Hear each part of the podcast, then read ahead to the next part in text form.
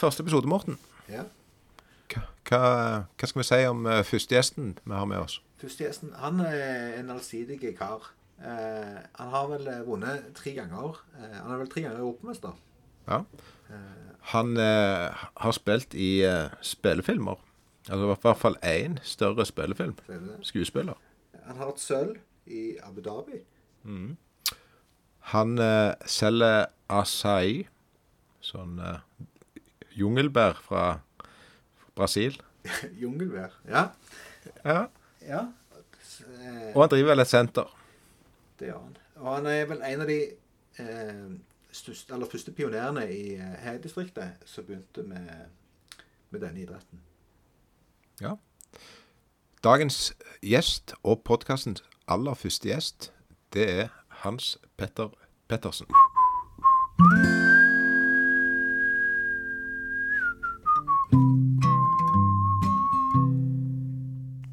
Tror jeg bare vi starter med å spørre etter ditt fulle navn.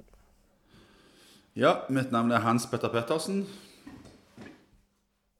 Ja, Når er du født, Hans Petter? Jeg er født 10.3.1978. Ja. Har du noen alias, eller eh, kallenavn, som er i bruk? Ja, det er vel Hansi. Det, det går vel i Hansi bare, ja. Det går i Hansi, ja. Og du, Hansi, hvor bor du henne i verden? Jeg bor Trenger ikke nødvendigvis eh, leiligheten, men du kan jo si by og, og bydel. Ja, jeg bor eh, på Tasta, som er i Stavanger. Ja. Og du har gjerne en jobb. Ja, jobben min er eh, Jeg er eier av et treningssenter midt i Stavanger sentrum. Heter Exfit Stavanger. Så det, det er der jeg Ja. holder dagene. ja. Ja. Hva type senter er det? Ja, det er et eh, kommersielt eh, treningsstudio, helsestudio, med, med fokus på funksjonell trening og brasiliansk jiu-jitsu og thaiboksing. Ja. Har det vært lenge? Det- Nå har jeg vel vært eh, fire år, fire år her. Ja. Ja. okay.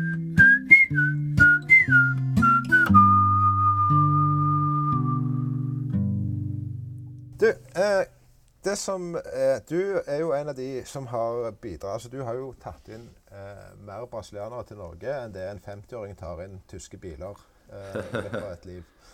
Og hvis, men hvis du forteller litt om hvordan var det du eh, kom over brasiliansk jiu-jitsu, og hva var det som gjorde at du begynte med brasiliansk jiu-jitsu?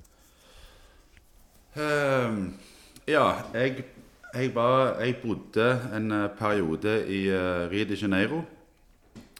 Eh, fra Dette her jeg oppdaget vel eh, Jeg skulle hjem fra en nattklubb, tror jeg faktisk. Jeg skulle inn og pulsa på, pulsa på Kjellen nær forbi der jeg bodde i Lagoa. Og da var det jo VHS-utleie. Og da så jeg noen eh, VHS-er. Det sto liksom Valitude som en, en kar der som så badass ut. Det var jo da Hickson Gracie selvfølgelig på Valitudo Japan. Det var vel 1994. Og så rett ved sida av der så hadde du Ultimate Fighting Championship. Uh, en, den enen, da. Og så var det litt flere, men det var de to jeg eh, tok med meg hjem den kvelden der. Så det var liksom mitt første møte med, med brasiliansk jiu-jitsu. Jeg brydde meg ikke så mye om akkurat hvem som de slåss mot og sånn. Det var egentlig bare den, den brasilianske jiu-jitsu-delen jeg jeg la merke til med en gang da. Og da var det vel gjort ifra eh, den natta der. Hadde du drevet med noe kampsport eh, tidligere? Ja, jeg har vært borti bryting og karate og boksing. Ja, karate, hvordan eh, er du gradert sånt òg? Eller er du sånn som Morten, som har gult belte i judo? At du har, har, du, har du fått noen gode belter i karaten? Ja, jeg har har vel noe i karate, men det var liksom aldri noe jeg egentlig hadde noe fokus på. Så jeg hadde, hadde vel gult med noe greier på, tror jeg. Ja, det var ikke noe lang, lenger enn det. det hoppet vel av ganske tidlig der. og ja, Mye lyd. Mye lyd. Eh, my mye lyd. Lite action. Mye lyder og lite action, tror jeg. Uh, du, var vel gjerne mest glad i kata. Kata var liksom Det var der jeg, det der jeg eh, stilte meg, eller skilte meg fort ut i. Kata. Grasiøs kata. Men- du spilte vel håndball før, gjorde du ikke det? Jo, jeg spilte håndball òg. Var jo Ja, jeg var, spilte jo på A-laget til Siv. Ja, ja, for du var ganske flink, husker jeg. Mm.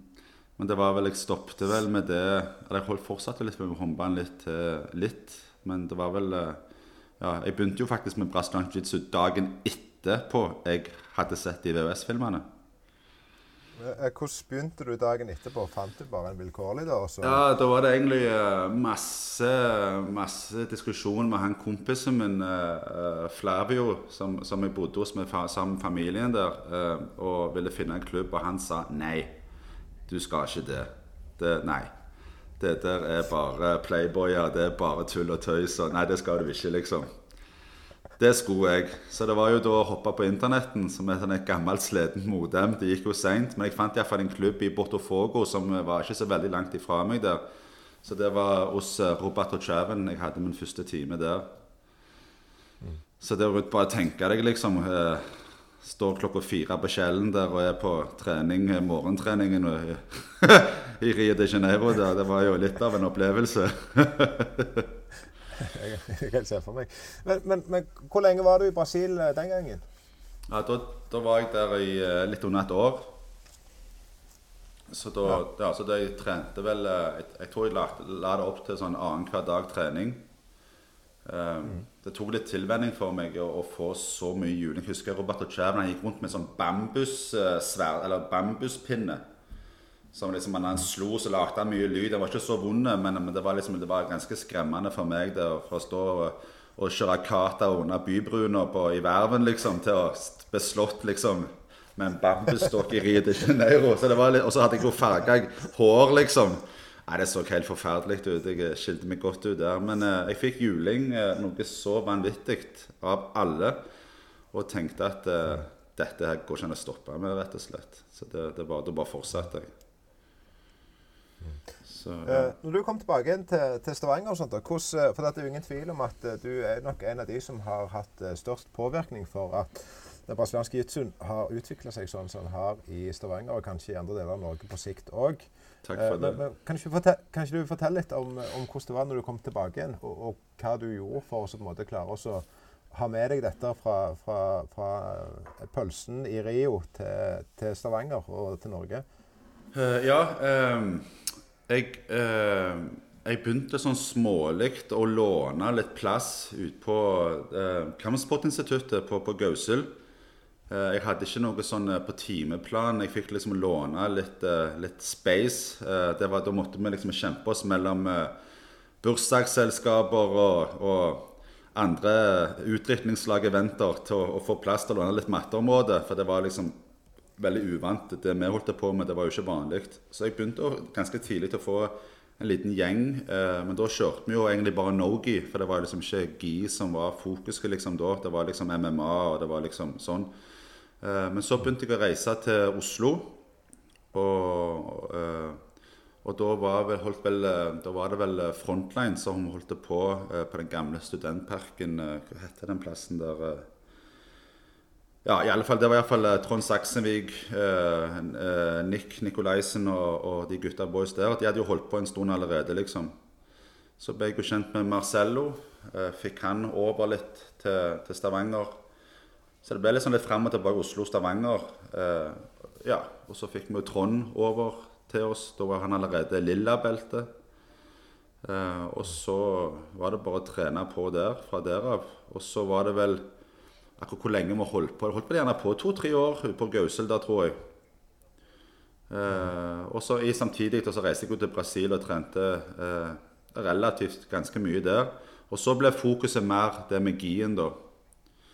Eh, Og da hadde det vel en liten gjeng som hadde flytta fra Bergen til Stavanger, eh, som starta en klubb nede i, der med Felleskjøpet i Stavanger, i Hillevåg. Ja, riktig. Så, ja, så begynte vi jo Så ble det vel bare Så vokste vi litt ut ifra derav, tenker jeg. Så var vi vel der noen år. Jeg vet ikke nøyaktig hvor mange år det var, men eh, det var vel en Det var noen fine år der, altså. Og på den tida reiste jo vi allerede til Da hadde jo vi Hoyce Gracie eh, kom jo til Oslo. Og, så det begynte litt sånn smålig å skje ting, eh, iallfall i Oslo, da. Men i Stavanger så var det jo fremdeles eh, var det jo bare oss. Det var den samme gjengen liksom som holdt på. Eh, noen slutta, noen fortsatte. hvor stor var den gjengen, da? Eller hvor, hvordan, eh, hvor mange var det som holdt på nede i, i Hillevåg når dere begynte der nede? Si vi var en ti-tolv stykker, tror jeg, eller noe sånt.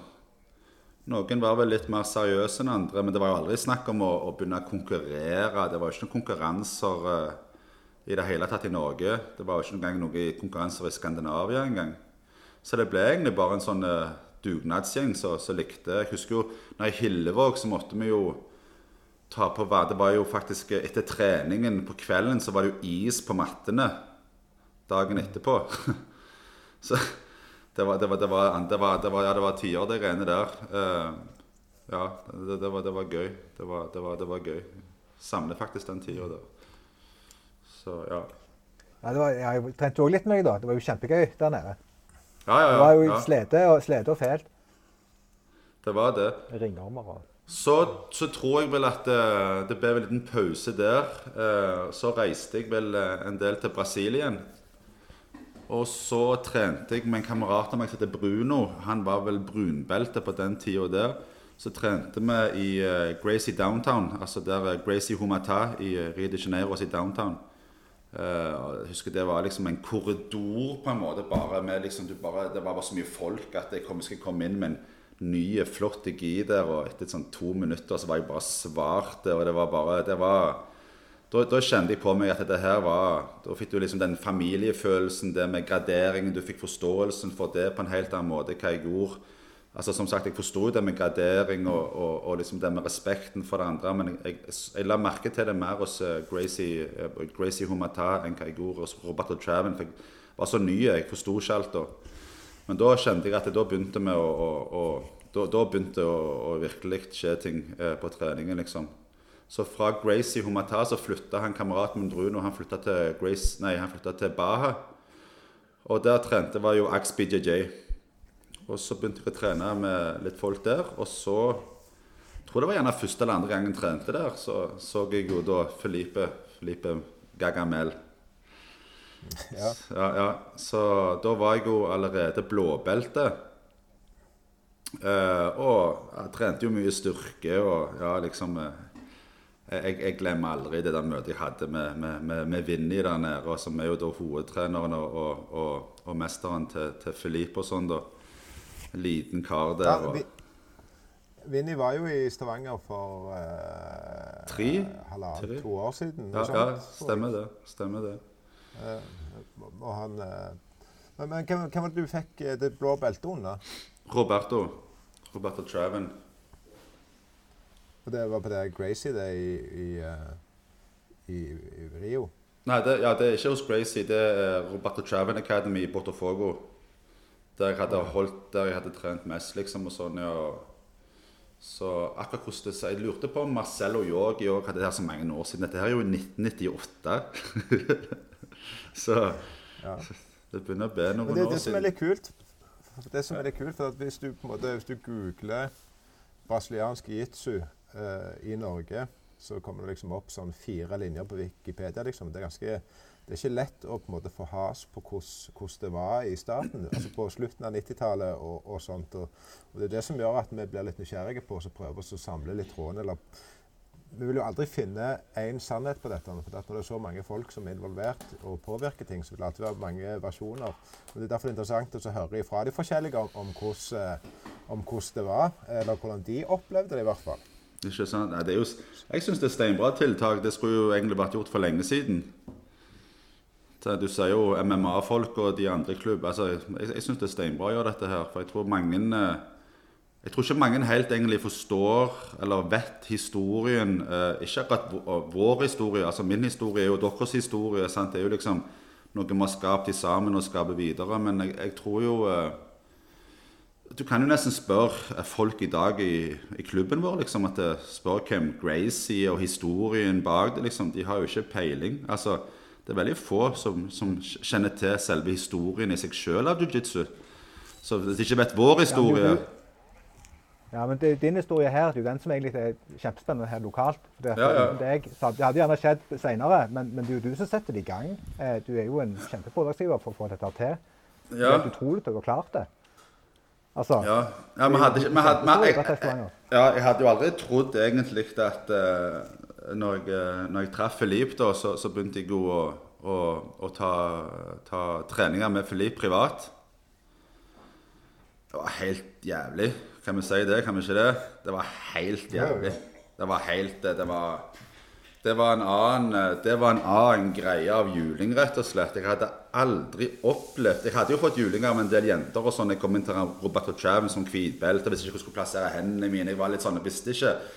Men, men jeg traff Filip, så visste jeg jo liksom litt hva det Vi hadde jo holdt på å rulle, vi hadde jo grappla liksom noen år, liksom, og vi visste litt hva det gikk, ikke sant? Vi hadde jo bamser i Hillevåg der som Frode Tu, og vi hadde jo noen skikkelige gorillaer, liksom, som Det var liksom sant, det liksom, Jeg trodde liksom det var, det var liksom greia. Men det med Filip, da var jo Filip i sin prime, på en måte. Da hadde han omtrent nettopp tapt eh, eh, Det var vel Rio International eh, mot Fabrice Juvadoum, hadde han ikke gjort det? Om jeg ikke husker feil. Så han var jo det var, Filip var jo et het navn i, i, i jiu-jitsu-verden da. Så det visste jeg ikke da. Så tok jeg på trening med Filip. Vi hadde vel timer hver dag. Eh, og jeg merket jo fort at her, da skjedde det ting, i hvert fall for min utvikling av jiu-jitsuen og forståelsen, og han begynte å fortelle meg og Som dere sjøl vet, Filip, liksom, veldig, han, jo, han er jo et leksikon av, av alt. Så allerede der så begynte jo Filip å, å, å, å vise meg hvordan jeg kunne fighte min. Altså Jeg var ikke så fleksibel, sant? men jeg hadde styrken. Så han begynte veldig tidlig å finne mitt game, hvordan jeg skulle fighte. liksom. Og så snakket vi, og så gikk vi jo fra Det er jo én plass, plass å være på matta med en person og høre hva, hva måte, liksom, treneren din sier. Og jeg merket jo ganske tidlig at liksom, du fikk den mesterfølelsen og respekten for Filip. liksom. Det var, det var en god følelse å ha. for Du hadde liksom ikke hatt det. Du, du var litt der og der, du reiste rundt og ikke sant, Dere skjønner hva jeg mener? Liksom, du, var, du var litt over, over the place. Så, så begynte jeg å være med prøve Ja. Jeg bare tenker at sånn, sånn I starten, når det ikke var noen sånn skikkelige klubber, og var ikke, alt var ikke så organisert Men, men hvordan var samarbeidet? Jeg tenker at Det var et miljø som begynte eh, i Oslo og trente, og de fikk, eh, fikk instruktører opp og sånt der. Men hvordan var, Du sier at eh, det var noen som var over i, i Stavanger og, og, og hadde seminar og sånt. Men, men hvordan var på en måte miljøet eller altså, samarbeidet mellom vest og øst og, og, og de som drev på med dette på den tida, altså helt i starten? Nei, det fantes ingen samarbeid. Det, det, fantes, det, fantes, det fantes ingenting. Eh, Det fantes ingen struktur som jeg så, i hvert fall. Altså, selvfølgelig de i Oslo kan være at de hadde struktur og orden på sine klubber på sin måte, men det var ikke noe jeg hadde på en måte Jeg visste ikke noe om det. Eh, Så jeg var egentlig bare glad. Vi reiste jo en, en hel gjeng til Oslo på disse seminarene. Vi prøvde å få med oss det vi ville, liksom. Eh, Da hadde jo ikke heller Teta kommet heller til, til, til, til Oslo. Så det var liksom ingen Da hadde vel han høy, høy, den som var mest høyt gradert, det var vel uh, Trond, tenker jeg. Altså, utenom, utenom Marcello, da, selvfølgelig. Så det var liksom Trond jeg på en måte ble litt kjent med um, uh, Altså kom i kontakt med mest, liksom, av, av det liksom, som kunne, liksom, kunne prate med og liksom uh, Så jeg hadde veldig respekt for Trond. veldig sånn, Han er jo nordlending, så han er veldig sånn bestemt og fair. og har eh, liksom, så, så, så det var et, eh, ja, satt pris på det vennskapet jeg fikk, eh, det lille vennskapet vi klarte å danne på altså Oslo-Stavanger på den tida der. da. Så, så det, det, var, det, var, det var jo det var jo stas. altså Jeg, jeg må jo si det at f- bare, altså, Tenk deg sjøl, jeg får opp min en lilla belte til Stavanger og syns det er den kuleste tingen som fins. Sant? Det, sant? det er jo liksom Ja, så, så jeg, jeg er jo heldig Jeg tenker så jeg, jeg føler meg heldig som får lov til å være stolt av å få disse folka opp til meg. Sant? Jeg tror gjerne folk i dag har blitt litt mer bortskjemte eh, med eh, med, med, med topptrenere, svartbelter du kan spørre hele veien. ikke sant? Vi har eh, legender som kommer på besøk, liksom, som ikke engang folk nesten gidder å, å betale for å, for å se. Jeg forstår det på en måte òg, at det kan gjerne bli litt mye, men, eh, men på den tida der, vet du, så var det jo det var altså, også Når Marcello òg kom, liksom eh, altså, Jeg husker ikke hva grad han var da. Han kan gjerne være allerede da andre eller tredje grad svartbelte. Altså, det var sånn, Du forsto det jo ikke engang. Ja. Så, så det var jo Det var jo Ja, ja nei, det, det, er ganske, det er ganske spesielt. I hvert fall når du tenker på, på hvor mange lilla belter det er nå. Ja, sant, sant. Så liksom Ja, ja, så kikka Morten er jo Morten har jo vært, Mor- Morten har jo vært med lenge, da. Det var vel egentlig Ja, du ja. det var vel, det var, det var vel du som dro han nesten med mer med nå, er det ikke det som holdt liv i Morten? At det var Det er vel egentlig han knallen ved sida av deg som har holdt liv etter du har kommet i gang med trening, er det ikke det nesten? Jo da, det var han som lurte meg utpå igjen. Jeg hadde en liten, eh, liten pause. Ja. Men, jeg, eh, men jeg prøver jo å få trent. Det er jo travelt da, med unger og, og, og fullt liv utenom. For dette, en ting med juice, det er jo veldig tidkrevende. For det er jo veldig avhengighetsskapende. Så det er jo supergøy. Men det, det tar jo enormt med tid. Ja, ja, ja. Ja, helt klart. Jeg, jeg, eh, den, jeg Husker du når jeg, liksom, jeg, når jeg åpna Stavanger MMA-senter? Ja. Så, så hadde jeg jo eh, Jeg kom jo eh, fra, fra, fra Brasil. Da hadde jeg jo spurt Felipe egentlig om at Hva tenker du egentlig om å komme opp en tur til Norge og sett liksom hvordan det, hvordan det ser ut, liksom. Og, og ja, jeg holder på å åpne en klubb, liksom. Eh, jeg var jo veldig inne i MMA-en da og holdt på å signere noen kontrakter i England og greier. og Mye fram og tilbake. Noen forbund gikk konkurs og sånne ting. Så det, så jeg hadde en sånn formening om å få thaiboksingtreneren min liksom, hadde Kjetil Vigre litt innblanda der. Og så hadde vi vel eh, Ja, så, så tenkte jeg liksom Få en brasiliansk svartbelte opp til Stavanger. Det må jo være stilig. Og så husker jeg jeg posta på, på Facebooken at uh, nå får vi opp eh, Felipe Mota og litt med CV-en og la til litt YouTube-videoer og sånn. Jeg husker folk nesten De lo jo nesten en gang. Tro- jeg tror ikke engang de trodde meg engang. Det var liksom Og så husker det- jeg meg Hæ? Nei, ja, Det var helt utrolig. Eh, For jeg husker jo akkurat de der øyeblikkene der at eh, nå kommer det en svartbelte. og det er Ja. kjempe. Men du tenkte jo kjempestort med en gang. For du ville jo ha unger inne og trene. Altså, Det var jo ikke bare for å, å få folk til å trene. Du tenkte jo mye større. Du tenkte jo Ja, og, og da hus, ja, for, ja, for da husker jeg jo at noen trente jo litt der, noen trente der. Det var liksom, Da hadde det blitt liten spredning fra Hillevåg.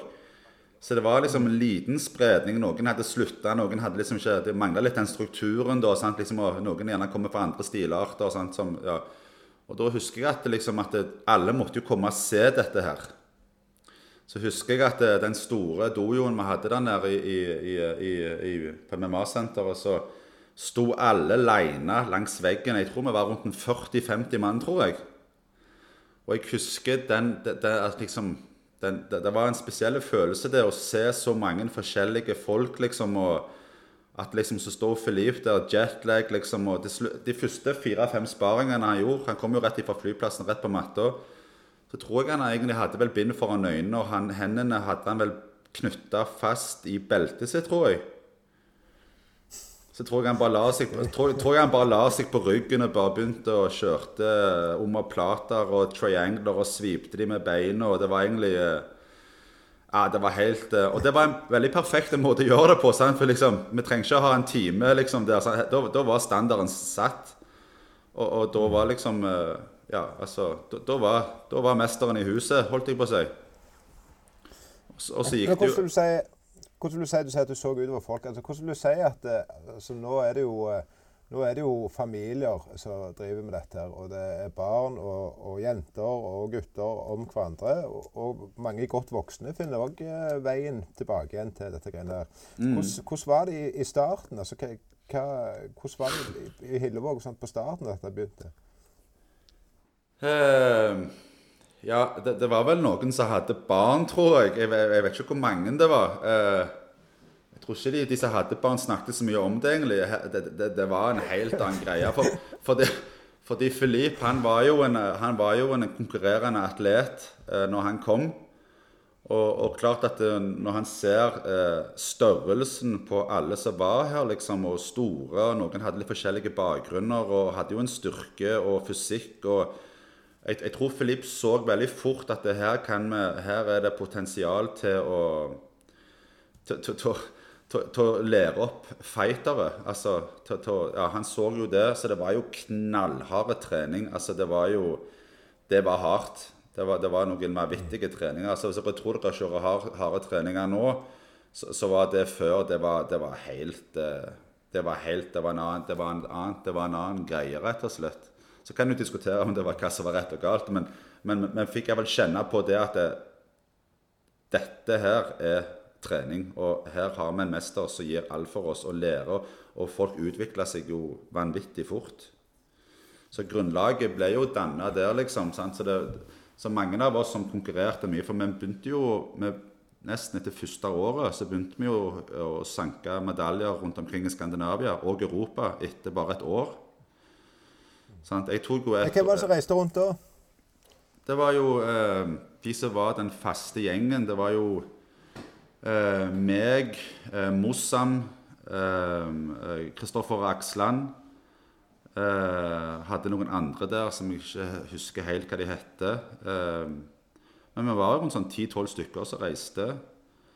Og Lauritz, ikke minst. Lauritz var jo liksom For meg var jo liksom Han var den som på en måte plukket opp alt fortest. Jeg vil jo si det at Lauritz på den tida der var jo Han var vel blåbelte, og han var vel den egentlig som, som var vel egentlig Det var vel Lauritz, og så hadde du Martin Moen, husker jeg. Det var liksom de klassiske fightene i, i, i Norge.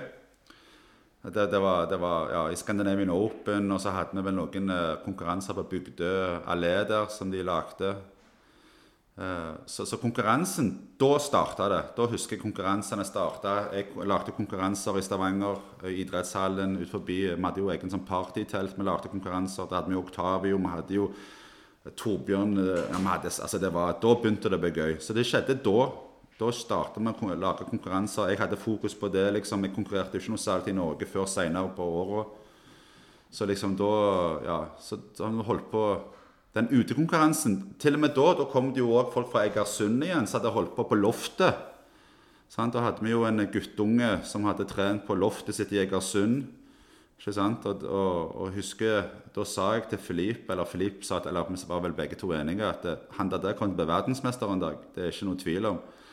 En liten spinkel gutt fra Egersund liksom, som har trent på loftet. Sant? Da har du jo Espen Mathisen, liksom. Se hvordan det har gått. Går jo rela relativt ganske bra. ikke sant? sant? Ja. Det seg ok, han. Han har det. Så, så da, da, kom da, begynte, da, så jeg klubbene og, og denne her begynte å skje ganske tidlig. Og så har vi jo da, hun, eh, hadde vi jo ei jente som jobbet nede på den Kost 1-butikken i første etasje. Så begynte å trene. Hadde ikke drevet så mye trening, kanskje holdt på med litt hest og sånn. ikke sant? Og, og, ja, var ikke noe sånn spesielt talentfull hun, eh, men, men, eh, men, fortsatte og fortsatte og fortsatte. Og da har du jo igjen svartbelten, den første svartbelten på vestkysten. Da har du jo Ida Fløysvik. Mm. Så det var jo, det, det kom jo folk og det var liksom, Filip hadde veldig tidlig en evne til å se hvem som kunne bli bra. Så det skjedde ting veldig fort i det første året der. Hva, hva vil du si på en måte, hva tid det skjer, det, det skillet da ifra at på en måte det er en måte litt sånn, en sånn guttegreie og i et lite lokale på Hillevåg at det blir en sånn familieting? Eller tid skjer det skillet i, i sporten, sånn som du ser tilbake igjen på det? Um Sånn konkurransemessig så var det vel eh, Så konkurrerte vi, vi vel mest på MMA-senteret. Det er da vi konkurrerte mest. Det er da vi var mest ivrigste gjengen som konkurrerte. Eh, men den familie og den, den Altså for alle med barn Vi hadde jo barnetreninger på MA-senter òg. Men, men uh, mangla vel litt struktur der. Det, det, var vel ganske nytt for oss alle, det å ha barnetimer og, og, og ungdomspartier og sånn. Det, det, må vel ha skjedd egentlig på Forested, på gamle Auto 2000 der. Der skjedde det vel ganske ting fort uh, med, med, den familie, den, den, at alle kan trene. For da, da, tror jeg at vi hadde egentlig kjørt fra oss den harde treningen. Altså den der altså, det, altså Alle kan ikke komme inn fra et kontor og være normale mann på 40 år komme inn og rulle sånn som vi gjorde før. Det, det, det gikk jo ikke. Så jeg, tror bare når alle vi la, jeg, tror, jeg tror når vi la ned liksom den der uh, tanken med at uh, vi skal alle være konkurranse og, og, og, og ha liksom det der vinne-vinne, la det fra oss litt, så tror jeg det ble jo mer tilgjengelig for alle. Og, så eksploderte det jo medlemmene. Og det var jo, var jo bra at det skjedde, da, for det, det ble jo mer tilgjengelig. Sant? Det var mer åpent for alle, så, så, så ja. Skal vi se, Den største forskjellen da fra når du altså, på, på gymmene i Brasil og sånn som en trente i, i Norge og Stavanger og Oslo på den tiden, når du, når du var fram og tilbake? Um, når, når, Filip, når Philippe uh, hadde timene, så, så, var det jo Altså, det, det var, det var Filip hadde noen trener Det var jo egentlig godt å komme til Brasil og trene av og til. du kunne fremdeles liksom gå på stranden, du kunne liksom, du sov bedre, du var litt mer uthvilt. Du kunne liksom kombinere trening og ferie samtidig. Mens, eh, mens uh, i Stavanger så var det egentlig at du, du, kom hjem og bare la deg ned og grein. Så, så det egentlig vil si at det, det var hardt. Filip har vært harde. Har vært, han har vært knallharde. Så jeg vil jo si at eh, Men han, han, han tok jo med seg dette her med å, å ha respekten, det med å ha Og han lagde jo, vi lagde jo en, eh, vi lagde jo et, en, en vennegjeng som har, har, bestått, liksom. Selv om klubber har gått den retningen og den, noen forskjellige retninger, noen har slutta, noen kom tilbake, så har vi på en måte alle på en måte nå, i fall nå i 2020 alle funnet på veien tilbake. Mm. Og, så, så det, det, vil jeg si. Uh, og det har blitt roligere. Uh, har blitt roligere, jeg har blitt roligere. Jeg tror de fleste har blitt roligere. Jiu-jitsu har jo blitt såpass stort nå at uh, ingen som trenger å bevise noe lenger. liksom. Det er bare, Nå, nå er det um, fremdeles mye å, å jobbe med, med forbundet i Norge, syns jeg. da. De, de, står jo ikke sammen. Ja.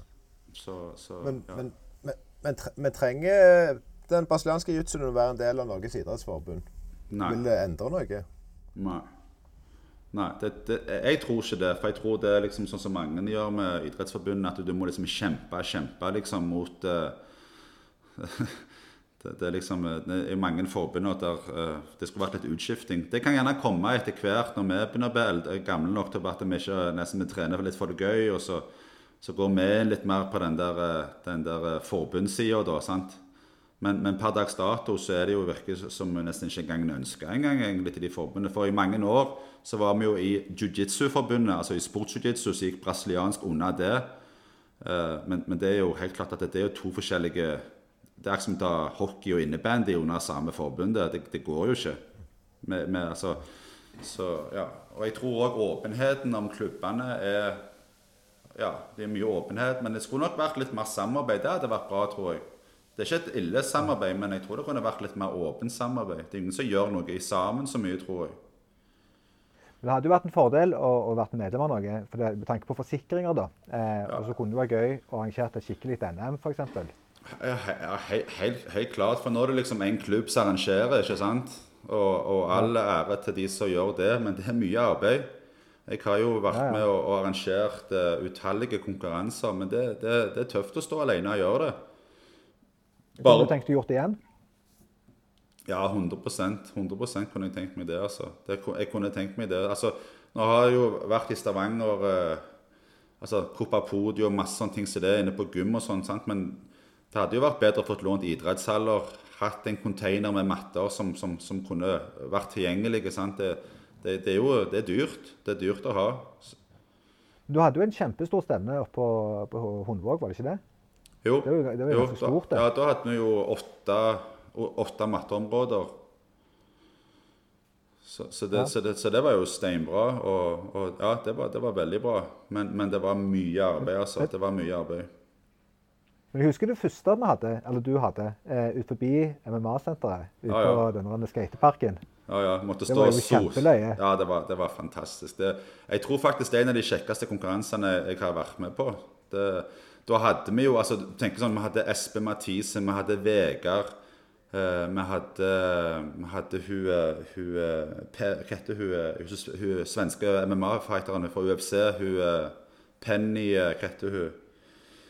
Ja, hun svenske UFC-stjerna. Ja, hun, hun, hun var der. Det var noen svensker som var der. Det var jo ja, Martin Moen fighta. Det, det, var mye bra folk, liksom. Sånn, José Carlos var der jo òg og fighta, liksom. Så det var, det, var, det var, mye bra da. Det var, det var, kjekt. Det var grilling ute og DJ og ja, ja. reggae-musikk og Kjempe, Kjempevær. Ja, men, men, Men du, du, nå nevner du òg eh, José Carlos og sånt. Og, og som jeg sa helt i starten òg, du, du har jo vært en person som har gjort at det har kommet eh, en del brasilianere til Norge. Eh, noen har blitt, eh, noen er der de var. Noen har starta egne klubber, eller hadde kanskje egne klubber som de, som de kom med. Men, men, men du har jo fått de til å bli der på et eller annet vis. Altså, fortell litt, hvorfor, hvorfor er du en sånn mann som får folk til å reise rundt halve jorden og bosette seg og, og starte noe i Stavanger? Um, altså, Filip, den historien har vi jo tatt. Han ble jo værende, for han trivdes jo veldig godt her. Han, han- ble jo værende. Ehm, og, og jeg tror òg Altså, muligheten, muligheten eh, for folk til å leve av jiu-jitsu eh, ble jo gjort i Stavanger for dem. Det ble jo et levebrød eh, å kunne ha timer. Og det var vel gjerne ikke akkurat eh, den letteste tingen å gjøre i, i, i Brasil. Sant? Det var ingen i, den tida var det ingen som levde av å være trener i jiu-jitsu. Eh, ikke av, av den altså, det, det tror jeg faktisk ikke. Jeg tror ikke det er mange som levde av det da. Så, så for det er, jo, det, er jo, det er jo store navn som du sier, som du har fått opp her, som har vært her. Enten de, de er her ennå, eller om de har reist videre og fortsatt eh, karrieren sin andre plasser. Men det er jo svære navn du har, har fått opp til å komme til Norge og starte. ja, ja. Klart at det, no, no, Noen av de valgene var jo klart at det, no, altså det er jo vanskelig å skille mellom å få å, å ha en business og ha en klubb, ikke sant? Og så du, så går jo, ønsker jo selvfølgelig noen å ha sin egen greie. Sant? Så sto jeg kanskje uten en trener. Sant? Så, så det blir jo på en måte ja. så, Men at de ble værende, det tror jeg har litt med byen òg å gjøre. Jeg tror det har litt med byen å gjøre. Jeg tror det, eh, sant? Vi vet jo hvordan det er. Det er en ganske internasjonal by. Eh, folk trives. Eh, du har utrolig treningsvillige folk. Men, men hva sier du liksom sånn? Altså, når du, for det, det er mange fra, av disse store navnene i Brasil. De har reist og starta klubber i New York, i California er kjempepopulært. Eh, og, og til andre svære, svære plasser. Altså, hvordan går du fram, eller hvordan får du en kar liksom, til å bli med deg til, til Norge, som de antageligvis ikke har hørt om engang før? Jeg har jo én historie om en jeg hadde aldri hørt om før. Det er jo han eh, Gilberto Feras. Ja. Eh, Jeg reiste Jeg reiste til Jeg pleide å reise til London de siste årene når jeg feita EM. Så bodde jeg i London to uker og trente. Da trente jeg på London Shoot Fighters. Eh, og da bodde jeg hjemme hos en, eh, en kamerat av meg der som også var svartbelte. Og så husker jeg lå irritert meg, for jeg fikk sove på en sånn sovemadrass. Men hver, hver halv 20 minutter så gikk lufta ut, så var liksom, lå jeg bare med en sånn pute. Liksom, sånn, så jeg, så husker, husker, jeg, husker jeg at jeg snudde meg opp på sjiktet til høyre. Der lå det en, en stor mann på sofaen og sov der og snorka. Stokk litt av det, og så snakket jeg med han jeg bodde hos, eh, han Tiago, hvem dette var. Han snakket ikke et ord eh, engelsk eller noen ting. Og han var jo han var brasilianer, men bodde i Spania. Spania var egentlig uten eh, økonomi. Hadde familie i Granada. Og han vaste vinduer på kjøpesentre i London. Så det er sånn han tjente penger. Når det regna, så kunne han ikke vaske vinduer. Og, ja, så det var liksom sånn. Og så husker jeg at eh, jeg inviterte han til å være med og trene, for han, han Tiago mente han hadde en av de beste gardene, og det var liksom old school jiu-jitsu. Liksom. Jeg, visste egentlig ingenting. Men jeg trente egentlig bare noen minutter med han den ene dagen eh, før han ble skada. Fikk en luskestrekk. Så husker jeg at jeg ringte en husegger i Stavanger og lurte på om han hadde muligens en leilighet til han. Og, og, og hørte litt mer hvordan han kunne gjerne bo i den leiligheten der. Og så så jeg for meg at han ja, med, med gjerne, For da hadde Filip eh, starta Oxygum på, på Forus. Og jeg var kanskje litt usikker. Jeg. Jeg, altså det er ganske tenkt deg sjøl hvis du er elev av Filip, og så skal du fylle skoene til Filip som, som hovedinstruktør i jiu-jitsu, liksom. Og det viser jo bare hvor bortskjemte det viser jo bare hvor bortskjemte vi er litt òg. At liksom, vi må alltid ha svartbeltene. og sant? Da var jeg, jo, da var jeg brunbelte. Men da, da spurte jeg han Gilbert om han ville komme over. Så tenkte jeg kanskje det var gjerne muligheter for han kunne få kona og, og, og ungene sine òg over. Som han gjorde etter noen måneder. Trivdes med det. Han var i jobb. Jeg hadde òg en jeg kunne trene med der. ikke sant? Så det, det er jo litt sånn det, sånn det foregikk, da. Var det før etter det GF-team starta og ble en sånn stor greie? Det var litt i samme perioden, egentlig, med GF-team, liksom, ja. Mhm. Så, så liksom eh, jeg, jeg kommer ikke til å snakke så mye om klubbene og alt det greiene der. Jeg hadde jo en business, jeg jo en business ikke sant? jeg, jeg trengte jo folk til å, å ta vare på de elevene. Sant? For det, det som skjedde, var at det, helt klart folk følger Filip. Men, men det var jo en, en liten gjeng som Jeg skal ikke si de, de var med meg der, de bare med at de gjerne bodde i Stavanger og ikke bodde på Forus eller Sandnes. ikke sant? Så, så de ble værende, og, og folk har interesse. Eh, vi tenker gjerne ofte litt mer på navnene. ikke sant? enn mange da tenkte bare de vil trene jiu-jitsu, de syns det er kjekt og bra trening. Og Gilberto var en hyggelig kar og rolig og, og gjorde bra treninger. Ja, så, så gikk det den veien eh, der med Gilberto. Ja, og så etter, etter Gilberto så hadde jeg tenkt å åpne et, et eget senter igjen i Stavanger sentrum, til eh, Exfit.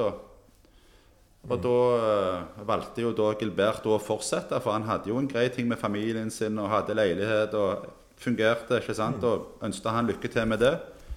Og så snakket jeg med José Carlo, som bodde allerede i Norge. Han bodde vel på Hamar eller Gjøv- Gjøvik, ikke helt sikker hvor han bodde, men han hadde litt klubber litt forskjellige plasser. Kimura, da.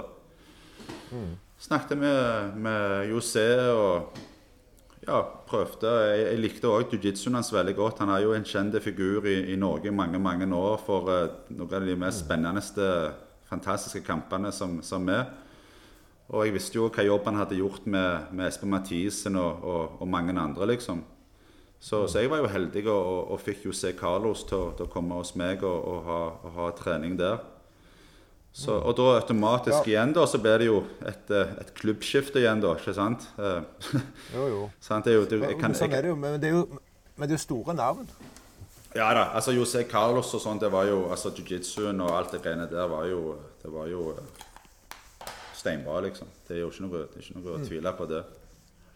Nei, nei, nei.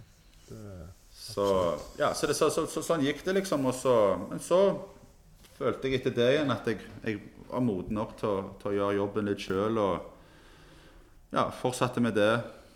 Og så, så, så faller vi alle tilbake til der vi, vi kom ifra, som jeg egentlig vil være. Som alltid vil være. Det er med, med Filip, liksom. For det er det som kjennes naturlig ut, liksom. Så, så nå er jeg glad at den der business-biten Nå er det egentlig bare kjærlighet for sporten og, og, og gjøre det beste ut av det der, liksom. Så jeg håper at vi trenger Jo, ikke mer. alle- Men med alle disse tingene, det er jo det som mange har vært med på gjort altså, det, er jo veldig mange som trener dette her nå. ja. Ifra, ifra Hillevåg, fra MMA-senteret, så er det jo, det er jo, det er jo kjempemange som trener det. Det er jo blitt ganske stort her i Stavanger. Ja, tenk, ja, jeg, kan jeg, ten- jeg tenker meg i Stavanger nå så hvis regner Vi må jo regne med selvfølgelig Sandnes òg, da. Ehm, vi er vel gjerne oppe i en 400 400 eller noe sånt, kan jeg tenke meg i hvert fall. Sandnes og Stavanger. Det er ganske 400. mange. Det, det er veldig mange. Det er veldig mange som tenker på hvis du tenker på andre kampsportklubber for eksempel, som har stilarter og sånn, og, og sånn, så, er det jo, så er det jo veldig bra. Og vi står jo på våre egne bein. ikke sant? Det er ikke noe forbund som hjelper noen. sant? Det er jo private eh, ildsjeler som, som gjør alt dette på egen hånd. Sant? Men, eh, men klart at eh, de andre gjør jo mye frivillig dugnadsarbeid. da. Vi, vi, vi drar det jo et, vi drar det noen år lenger, da, men, eh, men ja, det, jeg kan tippe det er iallfall over 400, 400 i Stavanger og Sandnes. og Det er jo steinbra. Ja, det er det. Ja. Absolutt. Da, hvor mange år som cirka du har holdt på nå da, med, med, med trening av brasiliansk jiu-jitsu og organisere for at andre skal få muligheten til å trene dette? Nei, det er jo nå nærmer seg nå snart eh, 22 år. Og vel litt, litt over 22 år har jeg vært involvert i dette her eh, hver dag. Så, Det er lenge, det. Hæ? Det, ja, det, ja, ja når, jeg, når jeg sa det nå, så måtte jeg tenke meg litt om at det, om det, om det Ja, men det, men det er faktisk det. altså. Det, har, vært en eh, det, har- vært en skikkelig tur. Det har, har, gitt, eh, det har gitt meg Det har nok gitt meg, gjort meg til den, den jeg er. På, på godt og vondt, altså. Men, men, men når vi sitter og snakker her nå, så, så får jeg jo en sånn liten sånn Jeg får jo en uh, Tenk deg måtte vi sitte her og ha en slags podkast nå liksom i disse tider og fra begynnelsen av der vi holdt på liksom, og, og beholdt mye venner, selv om vi ikke alltid ser hverandre mye, liksom, så, så blir jeg jo stolt. Jeg gjør jo det. Jeg, jeg blir litt stolt. Jeg, jeg bryr meg ikke hvem som er over eller under meg. eller sånn. Jeg, jeg blir stolt, og så blir jeg glad når jeg ser eh, altså du tenker liksom, Jeg ser Tore, Torleif, Ida alle disse som var fra begynnelsen av liksom, mange Når du som holder på fremdeles liksom, kommer med sånn ildsjeler så han knallen ved siden av deg der. sant? Altså, Det er jo blitt ildsjeler, liksom. Sant? Ja. Altså, vi hadde jo ikke fått til denne podkasten med meg for, for ti år siden. Jeg hadde ikke visst hvordan vi skulle fått dette til engang. Så, Nei, så, det, det, har- så det, det, jeg syns det har blitt en fantastisk utvikling. Og jeg tror, eh, jeg tror bare dette her er, er, er starten på noe steinbra, faktisk. Jeg tror eh, Med mange år så tror jeg det vil være mer organisert. Vil bli tatt opp i forbundene. Og så tror jeg det gjelder bare å holde at vi beholder, beholder det sånn som det er. Men tror du det hjelper at treningene har blitt roligere? At det er, eh, du, du kommer mer til, til, til mengden? At det, at det ikke er så hardt lenger? At det, ja, Ja, det er litt altså, mer folkelig? Selv om Ja, det har det- trening ennå, så er det vel mer folkelig nå? Ja, på, på, på både ja og nei. Jeg tror, jeg tror at hvis du har en person som har på en måte studert et jiu-jitsu f.eks. og sett på nå, er, altså, nå ligger det mye på nett. ikke sant? De, de, de, som kommer inn i dag på en trening, har liksom fått, de har en litt sånn forståelse på hva det går litt liksom. De, de vil liksom ikke le at du ligger på ryggen der og, og, og prøver å beskytte at han passerer garden din. ikke sant? Du, du, sant? Liksom, du vet litt mer nå enn hva du gjorde før. Så jeg tror at det, tek, treningen der er jo mer teknisk enn kan være før. Før var det jo bare en styrketest, ikke sant? Hadde, altså, folk hadde jo eh, altså, Det var jo kramper og, og underarmer som var blodsprengte, liksom. Og i, i dag tror jeg det, det, det er mer den tekniske altså, Så, så kommer nye, så møter du en, en, en, en, teknisk utøver. Klart at det, Han har jo mer eh, teknikk nå enn han har styrken. Det var jo litt mer old school før. ikke sant? Det var jo takedown, smash, submission, ferdig, neste. Sant? Mens i dag ruller du lengre, det er mer tekniske, stilartene er mer tekniske. Sant? Det er jo en helt annen jiu-jitsu liksom, i dag enn hva det var før. Så jeg tror jo at det, Du snakker om i Ja, fortsett. Nei, jeg, nei det, bare, det, var, det var bare det at jeg tror at eh, hardheten har utvikla seg med mer teknikk. Altså, og nå, da blir det mykere trening. Jeg, jeg, jeg syns ikke, ikke det er mye skader. Jeg har ikke hatt så mye skader. Jeg har jo revet av litt der og der, men, men når du tenker på 22 år, så syns jeg det ikke er mye, liksom. Altså litt, Nei, litt er slitasjer der og da. heller, selv om vi føler det. Ja, ja, ja. ja. Så, du, du, du pleier jo kroppen eh, Jeg har vært Altså, jeg tror Der har vi jo selvfølgelig mye å lære, eh, som alle andre idretter. Skadeforebyggende, sant? uttøying. Sant? Sånn er vi jo flinkere generelt, de fleste nå, eh, eh, enn hva vi var før. ikke sant? Det er jo mye kjekkere å bare sitte og prate piss enn det å tøye ut etter trening. 100 Det er 100, 100, 100% Når du har operert tre prolapser og klippet av tre ischiasnerver, så tenker du annerledes en stund. Ja, gjerne det. Ja. Men før, jeg husker, jeg husker et eksempel på hardhet. liksom. Altså, Det er jo ganske hardt når du husker jeg gikk mot en, en, en topp eh, judokar. Da hadde jeg gått alle sparingene. så var Det det er alltid de som står og sukler videre, som vil liksom spare mer, liksom. Så tenker du liksom sånn Herregud, gir han seg aldri, liksom? Så husker jeg at jeg kjørte en runde til, og så fikk jeg en, sånn, fikk jeg en liten lei vridning i albuen, og så bang, sa det. Så røyk jeg av bicepsen, og så et halvt sekund etterpå så røyk underarmen. Det var bang, ett til bang, og så sa det bang, og så røyk jeg tre muskler av. Og jeg sto halvkvalmen der, og så Filip tok av gien, og så bare all muskulatur var jo bare vekke. Det er jo bare et, to muskler i, i håndleddet, og det andre fløy opp til skulderen. Så Filip liksom Man, put some ice, buy some ice cream, go home and relax, liksom. sant? Altså, det var, det var jo, og, og jeg vet at han er litt sånn ennå, men han er nok mykere. Men, men før, du fikk ikke noe, liksom. Du bare sa Du tenkte liksom OK, jeg kan prøve på det. Sant? Du, gikk faktisk hjem og spiste is, liksom, og tenkte nei, nå må du på sykehuset. Så, så det, jeg tror det, det har jo gjort oss til, til tøffe folk, da. Ikke noe tvil om det. det grunnlaget ble jo satt knallhardt, liksom. Sant? Det har ikke vært noe kjære mor. Du snakker om eh, at vi kan gjøre denne podkasten og kunne gjerne ikke gjort det for ti år siden. og Noe av grunnen til at den i det hele tatt skjer nå, er jo fordi at eh, hele verden er jo i en situasjon eh, med dette koronaviruset som har eh, gjort at mange av oss har mer tid til å holde på med ting som en har tenkt på lenge og hatt lyst til å gjøre, men nå har en plutselig ingen unnskyldning til å utsette det lenger. Eh, du driver jo et eh, senter, og, og var vel det første, eller et av de første i hvert fall, i Stavanger som valgte å stenge ned pga. Uh, den situasjonen som er nå. Mm. Hvordan, hvordan tror du det vil påvirke både si, de som driver senter, og, men, men sporten generelt, med, med, det oppholdet som en har nå? Um, nei, altså helt, Altså Klart at jeg, jeg, jeg, jeg har vært veldig opp altså jeg, har, jeg har vært opphengt i det med, med, med ren hygiene og, og, og, og, ha rene gier. Altså gå på flipflopper til do og, ja, og, sånne ting. Det har jeg alltid vært. Uh, men grunnen til at jeg stengte Jeg var vel sikkert gjerne den første i Norge som stengte kampsporten, iallfall. Um, og da var det vel allerede litt sånn spøking eh, med, på sosiale medier med korona på liksom, at det var litt, Vi trodde ikke alvoret skulle bli så omfangende som dette her. Um, nå ser jeg jo at det, nå er jo Nå ser du mye hjemmetreninger, og det er jo folk lager de mest kreative tingene hjemme. og Filip kjører jo uh, live treninger, og, og det, det florerer jo av det.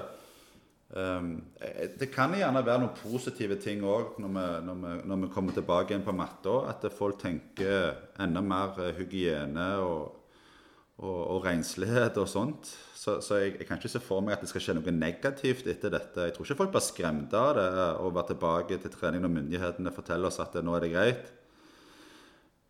Det er jo nesten sånn at, det er nesten sånn at jeg hadde vært Jeg kommer til å ha en vurdering når, når vi får lov til å åpne treningssenteret, og om det er faktisk fremdeles greit å rulle igjen. Jeg vet ikke hvor, hvor vi er henne der. ikke sant? Altså, vi vet jo ennå ikke hvordan treningssenteret skal åpne. Det vil jo bli restriksjoner og, og, og sånt. Eh, grapplingen og jiu-jitsuen og thaiboksingen og boksing for den saks jeg, jeg vet ikke hvordan det kommer til å bli. Jeg, jeg er spent på hvordan det blir. Ehm, men vi har jo mye unge folk hos meg i hvert fall da. De kommer sikkert ikke til å bry seg, så der må jeg nok jeg holde, jeg må nok holde igjen. Jeg tror nok det. Jeg vet ikke, Hva tenker dere? Nei, altså, Det er ingen som vet helt hvordan det er. Men, men, jeg tror, eller jeg frykter vel at, eh, at det kanskje ikke vil bli trent jitsu igjen i Norge før etter sommeren. Nei, jeg, jeg, jeg Du har nok rett. Jeg, tror nok du har rett i det, altså. Og, og da er jo spørsmålet òg sant om For at hvis folk ikke altså, hvis du da har kommet ut av de gode rutinene med at en, eh, der en har noen sånne faste holdepunkter, at du går og trener, og du faller litt ut av det miljøet som du var en del av, som du trives i I hvert fall for oss som er, jeg på å begynner å bli godt voksne, så er det på en måte, det er jo, det er jo vår SFO. Eh, det er der du treffer kompisene, og du ruller og har det kjekt. og så Plutselig så har du ikke det lenger. Og hvis, jo lengre tid det går, jo, jo tyngre kan det kanskje være å gå tilbake igjen. Jeg vet ikke.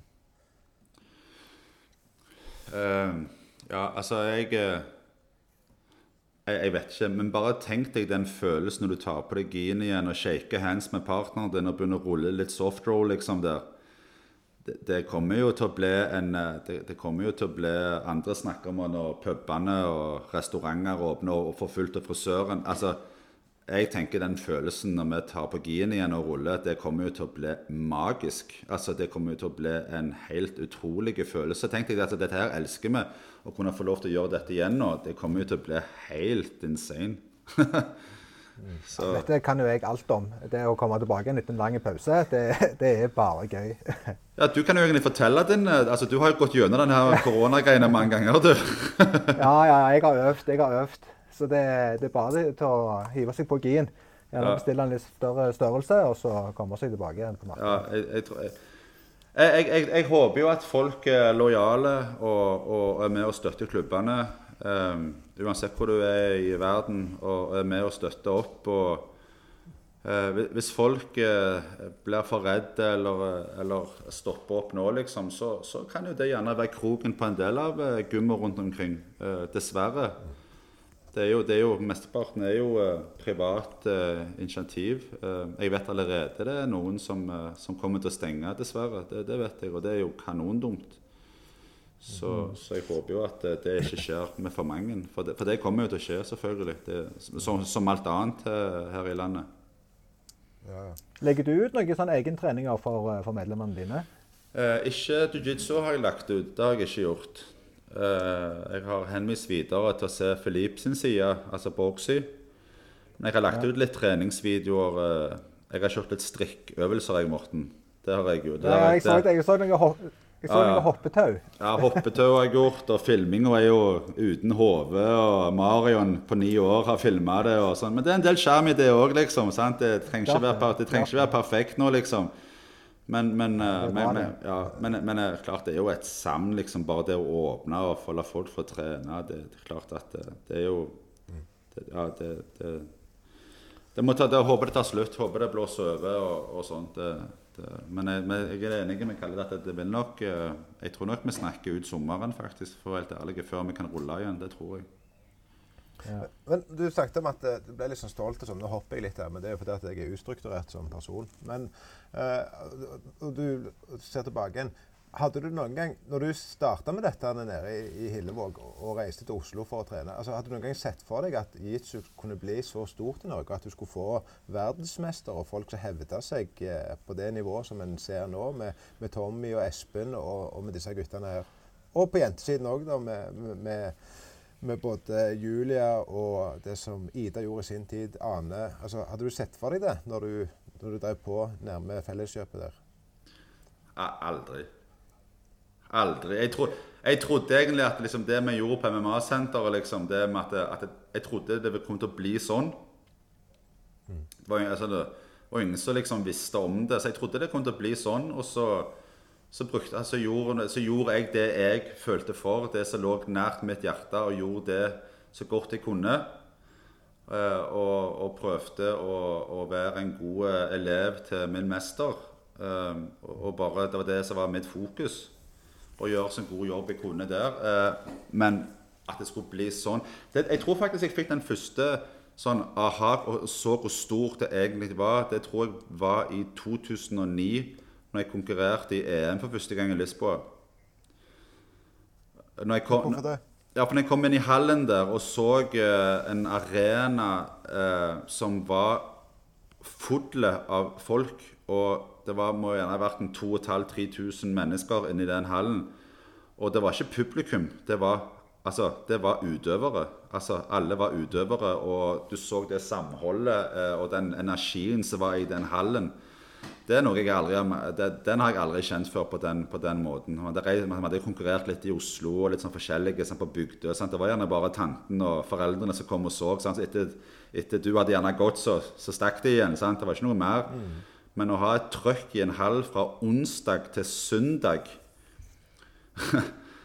Ja, ganske intenst, altså. Da, da, da, da tenkte jeg at, eh, at eh, OK, dette her, er, dette her er stort, liksom. Eh, Og når du fikk sett den, den, den, den, brasilianske tilstander med, med jubel og, og liksom klubbrop og Ja, det var vanvittig. Jeg husker jeg, jeg, jeg vant jo Lillabeltet Master det, det, det året der. Og det var jo det året òg uh, mester Helio Gracie døde. Og da heiv de en svær ban banner. altså Han var så svær at den banneren at det var helt vanvittig. og Alle reiste seg opp og saluta Helio, liksom, og sånn. og så det, var jo den, det tok du òg med deg videre til Norge, den energien der, og videreførte det på andre igjen, liksom. Og, og det fungerte jo. For det, det eksploderte jo igjen da med talenter, liksom. Så jeg hadde aldri trodd det skulle bli så stort som dette her. Det trodde jeg ikke. Men du hadde jo sjefslegenden sjøl i Stavanger MMA-senter med Hoist Gracie. Sant? Det var jo helt vanvittig. Ja, det var, det var Hoist Gracie der. Det var, det, var, det var spesielt, altså. Jeg tok han jo med jeg, ja, ja, jeg, ja, ja, det var jo det, var, Jeg tok han med på Rena, og jeg skulle spise, vet du. Det var jo var ikke interessert. Jeg kunne tatt han med på Burger King heller. Hadde vært mer fornøyd med det. Husker, husker, husker Philip sa liksom, han sto og slo meg i låret. husker jeg Han sa liksom sånn Bah, thank God these guys don't drink, drink wine, sa han. For da hadde det blitt et mareritt for meg. liksom. Heldigvis gikk det i cola og vann, liksom. Var, hadde vinpakken kommet der, så hadde jeg bare dødd, tror jeg. Så, men, men, men, men, da, da husker jeg at jeg, eh, jeg kom hjem eh, Kom hjem eh, etter å ha hatt eh, Hoist i noen dager, og, og, og alle var liksom fornøyde, liksom. Så tenkte jeg liksom Da, da reflekterte jeg litt over egentlig liksom at det, Hva faen skjedde nå, liksom? Altså, Det er jo dette her jeg, det er han jeg så på for mange mange år siden, liksom. og Jeg henta han på Sola flyplass. Hoys Gracie, liksom. Og, og, og, med, og, med, og med å trene og høre på historiene når han trente med faren sin på gården oppe i fjellene i Rio de Janeiro. ikke sant, og forteller når han går mot uh, han der Yoko Bono og, altså, altså, det var altså, det, var, det er jo sånn du, du, du må jo klype deg sjøl litt i armen, liksom. Uh, så har du i dag, da, så det er sånn hvem det er? Hvem er Hoys? ja, ja, ja. Men fortalte du han om uh, pølsen på nachspielkjelen når du hadde den der? Nei, det gjorde jeg faktisk ikke. Nei, vet du hva, Helt ærlig, jeg, jeg, jeg tror ikke jeg kom til ord en eneste gang på par-tre dager da, tror jeg. Jeg tror ikke jeg sa et ord. Jeg, jeg, nei, jeg tror ikke jeg sa så mye. Han, han var akkurat som når han landa på Sola, så var det en play-knapp gikk på. Så var det bare liksom og Den play-knappen går nok eh, på, på når han lander andre plasser òg. Det, det, det, var, det var innøvd. Det var liksom det var, det var, Alt var bare perfekt, liksom. Det var det var, det var, liksom, og jeg tror sånn som så Filip òg, liksom, som kommer fra Rio og får muligheten til å være med Hoys Jeg tror det, det, det, er stort, altså. Det er liksom Tenk deg sjøl, så går vi fra der, og så Altså, Jeg har så mange historier om Filip og navner. liksom. Jeg husker Filip sa liksom en gang til meg at liksom Who, who the toughest guy in Norway? Who the toughest guy? Sånn, dere forstår jo hvordan han snakker nå. Sånn. Det er ikke alle som forsto det. Ja, ja. ja, Det er en historie som må fortelles. Husker, husker du, Morten? når han kom, og det sto 40-50 mann langs veien der, og Filip han snakket, han kom fra Rio, han snakket ikke så godt engelsk. Og han sto og snakket i en halvtime, 40-45 minutter eller noe sånt, og snakket så bare OK, guys. Klapte. Og vet du, folk hadde jo stått i én time nesten og ikke forstått et eneste ord hva som er blitt fortalt. Men da husker jeg at jeg fortalte at uh, og det, dette her er vinklingen òg eh, der vi connecta mye oss i Stavanger med Oslo. Så da skjedde det jo mye treninger fra der òg. For da, nevnte jo jeg eh, Jan Olav Einemo. Så Filip reiste jo over til Oslo og, og trente med Jan Olav og, og, ble venn med han. Og så kom jo Jan Olav mye til oss og trente igjen, og, og da fikk vi et vennskap der igjen. Og Filip på en måte bemerka seg jo eh, eh, og, og, viste seg altså Han har jo aldri vært redd for å, å, å, spare med hvem som helst. Uansett hvor trøtt han har vært, eller hva det måtte være, hvor mange det har vært, så har jo Filip alltid gjort det. Eh, men da husker jeg med etter vi hadde vært med Jan Olav, så gikk vi og spiste med, med, med, med, med Teta, med, med Trond, med, med alle de gutta boys der, liksom. Hadde det kjempekjekt etter konkurranse. Og da ville jo eh, at vi skulle gjerne være i samme team, eller liksom og holde et samarbeid, eller et eller annet sånt. Og da husker jeg at eh, liksom, Filip sa liksom at eh, nei, det må alltid være svart og hvitt. Mm. Nå, nå, bygger vi opp konkurransen, og det vil være bra for idretten i Norge, liksom. Og, og, og, det, og det, viste jo seg til å være veldig riktig, da. For da, for da ble det jo den konkurransen eh, vi trengte i Norge. For det hadde ikke vært noen konkurranse før, vet du. Uh, så det tok jo litt tid, det òg, med å konkurrere mot andre klubber. liksom og sånt. Det var liksom uh, klart at det, Folk ville beskytte sine klubber. og var, kunne jo, Folk kunne dra til EM og andre land og konkurrere sånn. Men det var, ikke, det var ikke like kult å konkurrere en elev fra en Stavanger-klubb gjerne mot en Bergens-klubb og sånn. Du merket rivaliseringen var veldig Du kjente på den, altså. Uh, mm. men, men, det var kult. Det var, det var gode tider. Det var, det var, det var, det var tøft. Det var kjekt. Så ja, det var, det var bra. Gode minner. Ja.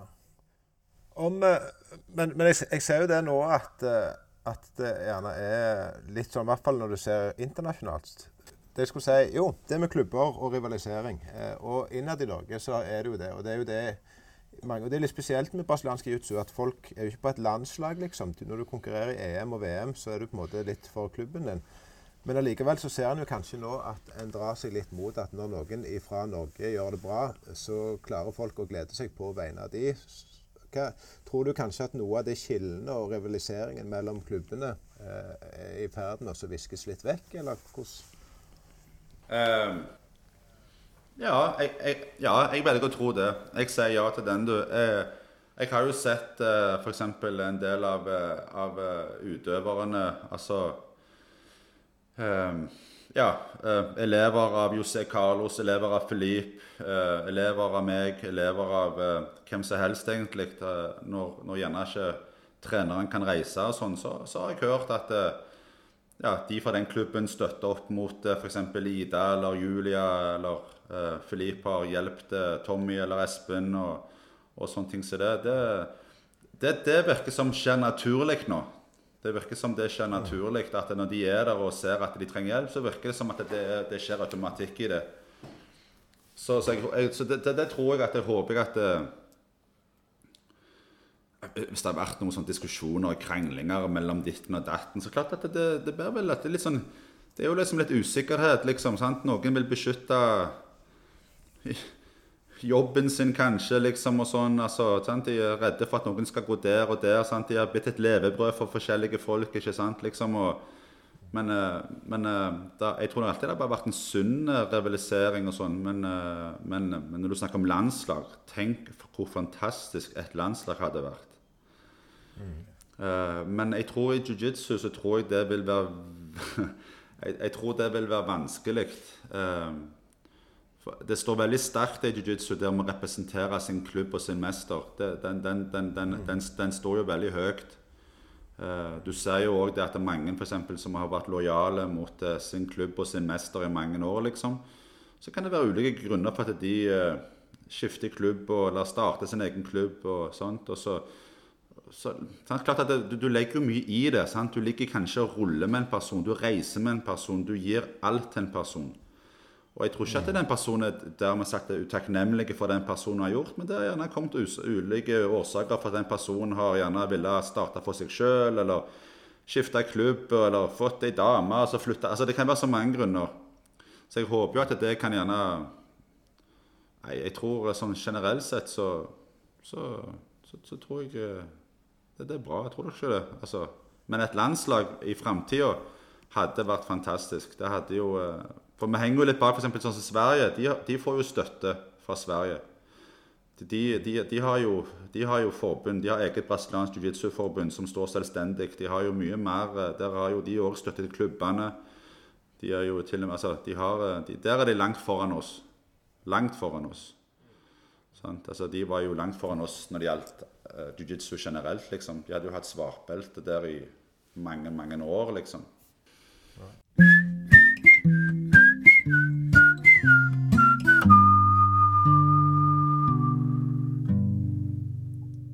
Litt på, på deg sjøl. Hvordan tror du folk eh, ville beskrive din stil eller ditt game? Altså, hvordan, hvordan, er du, eller nå er du begynt å bli godt voksen du òg, men hvordan var du som en fighter når du drev og konkurrerte? Så hvordan vil folk beskrive deg? Um, Jeg vet ikke. Jeg har vel litt sånn uortodoks stil, egentlig. Jeg, jeg, baserte jo mye av min, eh, av min, eh, tech, altså min, min fighting-stil for å vinne turneringer og kamper. Eh, jeg brydde meg ikke så mye om, om, om, trening på den biten der. For der var egentlig at der, når jeg trente, så skulle jeg egentlig bare gå mot de største og tyngste. Og det var liksom, jeg var liksom, det var liksom en shark tank, ikke sant? Så det var egentlig bare å, å nesten for meg, og Trening for meg har nesten under Filip fall, bare dreid seg om å overleve. Sant? Det har liksom aldri ja. så, så, så, da satte jeg meg sjøl eh, mål med å, å, å, bare høre etter hvordan Filip eh, Hva han fortalte meg. Sa han 'stretch your leg out', så gjorde jeg det. Jeg har aldri tenkt eh, Jeg har stolt blindt på Filip, liksom. Så stilen min har vel vært takedown. Kast og, og passer gard. Uh, Tåler et minuspoeng, men prøver å gå på submission. Men klart at jeg fant jo fort ut det at å fighte ultra heavyweight uh, er jo ikke bare til å submitte dem, liksom.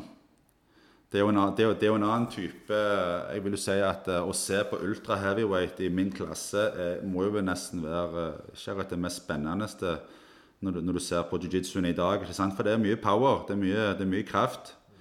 Og, og, klart at det Men, men, men Philippe han lagde et game til meg som, som fungerte bra for meg i konkurranse. Uh, men klart at det, er Mye eksplosjon. Uh, og, og, og ja, jeg, han, han, lærte meg å vinne, rett og slett. Han, han, lærte meg å vinne, som han har gjort med så mange andre, liksom. Har du noen sånn favorittposisjon når du først ender opp på bakken? Eller hvor er det du ønsker å være hen når du, når du går kamp eller ruller? Jeg har um, jeg, jeg liker kast veldig godt. Jeg liker, jeg liker å, å, å, kjøre kast. Uh, men, uh, men, å ligge i sidekontroll uh, vil jeg si en fav favorittposisjon. Jeg liker mye lapellchokes, jeg liker mye, mye, mye trykk. går jeg f.eks. på å plukke litt poeng fra sidekontroll, gå nord-sør, jobbe litt fra der, opp, prøve litt niende belly. fordi at det, når jeg var ultra heavyweight som jeg har fighta mest opp gjennom åra. Eh, klart at jeg var jo minst i den klassen òg. Når du fighter på folk på 115-120 kg og er mye høyere enn meg klart at det, det, er ikke bare til å gjøre sånn som du gjør på en trening liksom, med fancy teknikk. At, altså, det vet dere, det, det, det funker ikke alltid. Nei, nei, nei. Så, så, så, jeg tror side-control uh, der jeg har mest angrep ifra. I hvert fall. Uh, men å passere garden er noe jeg eh, liker veldig godt. Jeg, jeg liker godt å passere.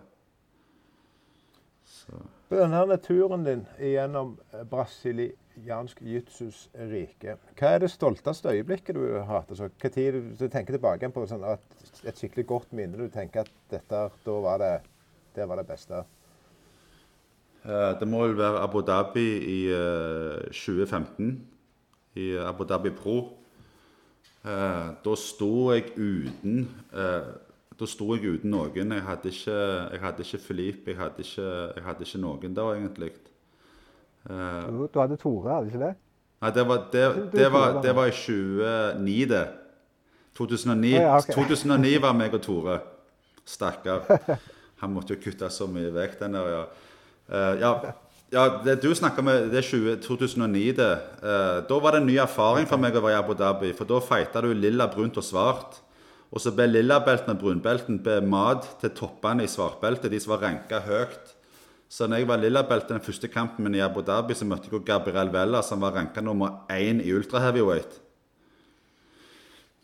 Så, men da visste du ikke. sant? Du hadde ikke peiling, liksom. 2009 det var liksom begynnelsen av, liksom, eh, av, av, eh, av brasiliansk jiu-jitsu og ha, ha gien. ikke sant? Lilla-beltet hadde jeg nettopp fått og skulle ned. og Da kunne jeg liksom konkurrere endelig til Abu Dhabi. Så klart Det var jo spesielt møte renke nummer én i verden.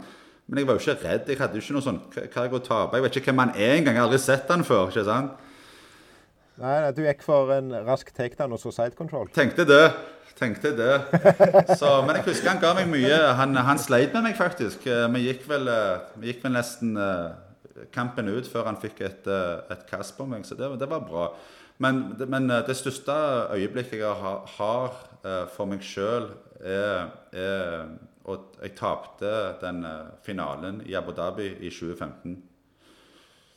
Det, det må jeg si er det liksom Det største jeg har liksom Da var jeg svartbelte òg, liksom. Og det, det, den var stor for meg. Da, da, da satte jeg meg ned, slappet av tenkte over denne her ferden eh, liksom Jeg var superfornøyd med sølv. Jeg, liksom, jeg, jeg, jeg, tenkte med meg sjøl liksom, at jeg, kommer ikke til å vinne denne kampen. fordi jeg er altfor fornøyd med å komme så langt. Er det, med? det er ganske rar tankegang, men det er liksom, jeg, var, var fornøyd. Jeg, var stolt. Var liksom, det var ikke mer um, og, og ja, Filip var fornøyd, alle var fornøyde. Det var liksom, men, men, å sitte igjen der med din egen følelse, ikke, ikke gjøre alle andre fornøyde liksom, liksom hva andre sier og tenker. Liksom, nei, men den, den, den for meg alene der eh, og, og, og kunne gå, f.eks. Eh, da gikk jeg vel fem kamper den dagen.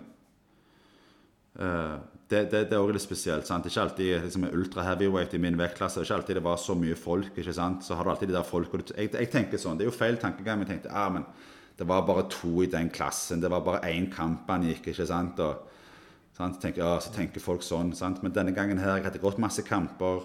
Jeg, jeg var i Abu Dhabi. liksom, Enten du vrenger og vrir på det, liksom, så er du der.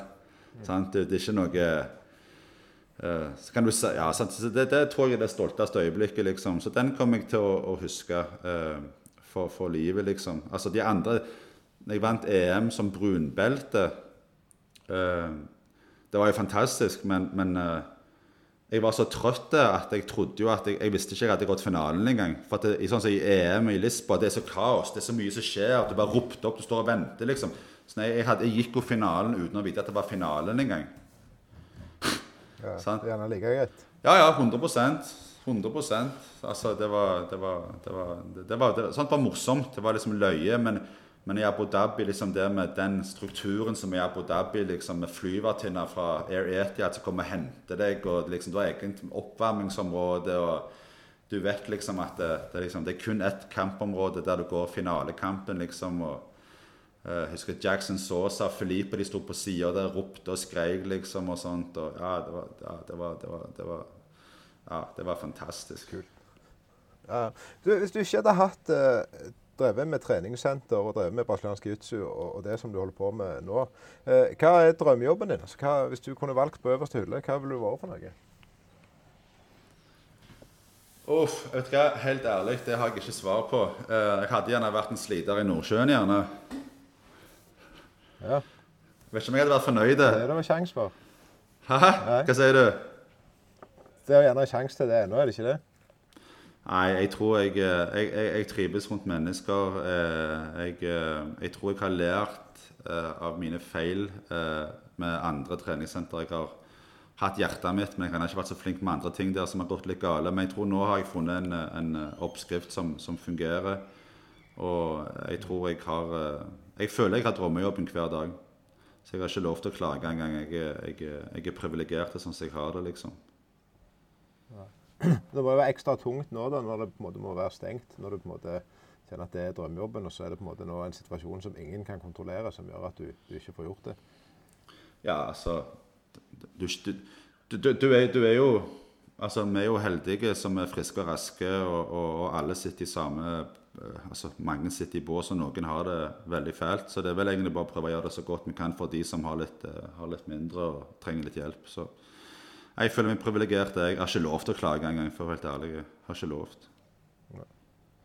Du, eh, vi nærmer oss jo slutten, i hvert fall på det som vi hadde planlagt her. Men, men nå skal jeg prøve meg på en litt dyp en. Og det er jo ikke sikkert uh, at det er så mange av de som hører på, hvis det er noen som hører på, som tar referansen. Men en snakker jo om de fire store norske forfatterne. Da har du jo Ibsen og Wergeland, og så er det et par andre som ikke kom på i farten. Men hvis du skulle si de de fire altså, Det trenger ikke være de største, og det trenger ikke være, det er ikke noe fasit på dette. Men hvis du skulle trekke fram fire navn som virkelig har betydd mye for utviklingen av brasiliansk jiu-jitsu i Norge, hvem, du, hvem, er det som kommer, kommer, hvem kommer du på da?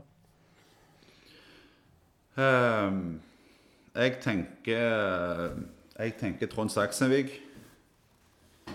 Uh, jeg tenker uh, Ja, den er ikke lett, den. Uh, ja, jeg tenker Trond Saksenvik.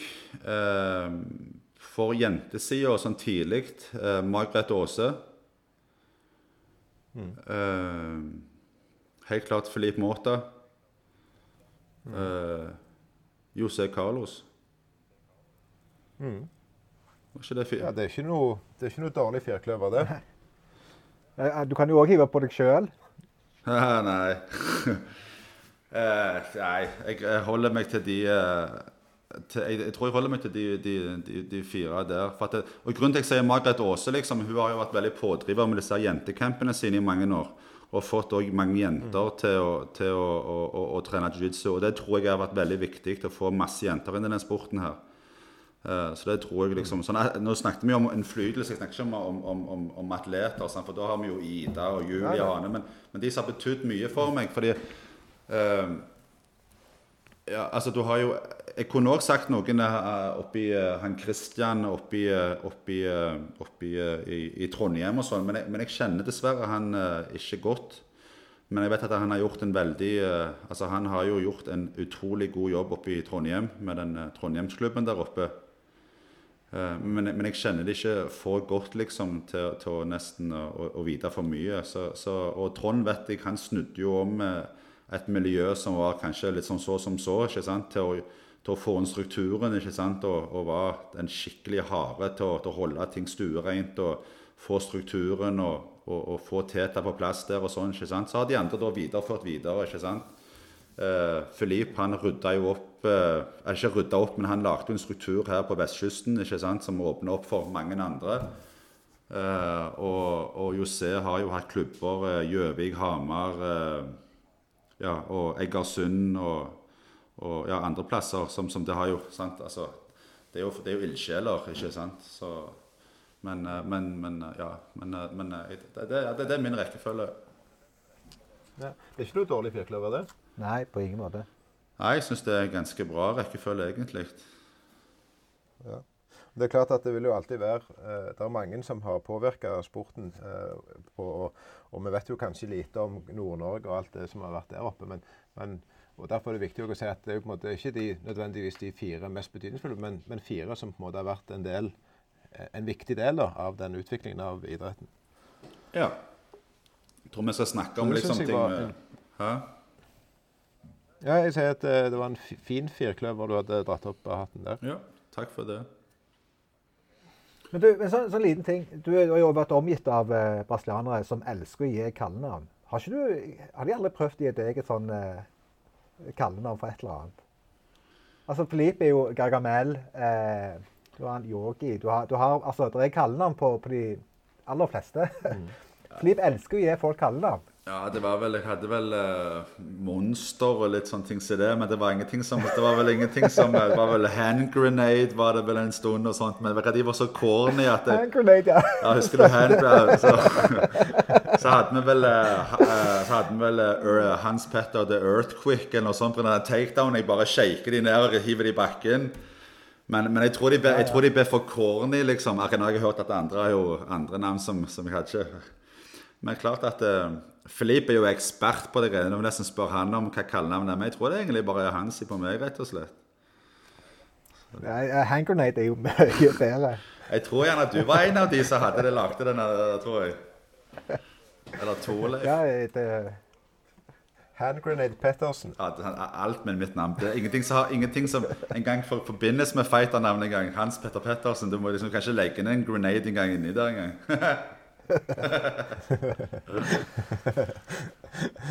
Nei, det er kult. Du, eh, som sagt, vi nærmer oss jo nærmer oss slutten. Er det noen ting som du tenker at vi burde fått med oss nå, som vi gjerne ikke har vært innom, sånn på tampen, som du, eh, som du føler vi bør, bør dra med oss videre når vi skal snakke med, med andre personer? Og, altså, hvem, eh, hva, hva, hva bør vi stille oss inn på? Hvor, hvor bør vi gå hen? Nei, nå har du jo liksom eh, at Nå har du jo min Altså, jeg eh, snakker iallfall bare om ting som på en måte jeg eh, har opplevd og vet om. Eh, så har jo andre sine historier, og, og, en har en helt annen tidslinje. Jeg vet de har en helt annen tidslinje uansett. men, men, men, men, men, men nå er det jo liksom sant, så Nå kommer vi opp, opp imot generasjonene, liksom. Så nå, er jo jeg, nå vil jo jeg òg være spent og høre på, på en måte deres eh, ferd videre når dere tar turen til de andre, liksom. Det gleder jeg meg jo til, liksom. Fordi eh, når, du ser hva en del av de andre har oppnådd her i Norge, liksom, så ikke, ikke det at jeg sitter og tenker på liksom, å se dette med hva husker, jeg, jeg kan bare huske mange når de sto der spinkle og små nervøse for å gå på matta, til å, å, å, å briljere verdensarenaer, eh, ver, verden rundt og være attraktive og, og bare liksom Ja, jeg, det, er jo, det jo dritkult. Jeg, jeg, jeg må si det. Du, selv om jeg ikke har hatt noe med det å gjøre, og ikke har hatt så mye med å gjøre med alle heller, liksom, så klart at eh, jeg har iallfall trent med alle. Og å se, mm. se den utviklingen de har, har hatt, det er jo klart at det, den gleder meg til å høre at dere snakker med. Det, det, det, det håper jeg de fleste òg vet om. Ja, nei, Det kan bli spennende å se hvor, hvor mange vi får, får tak i, og, og som, som har lyst til å være med. Det er klart at Mye av dette er jo eh, sier, det er jo 22 år tilbake i tid når det starta.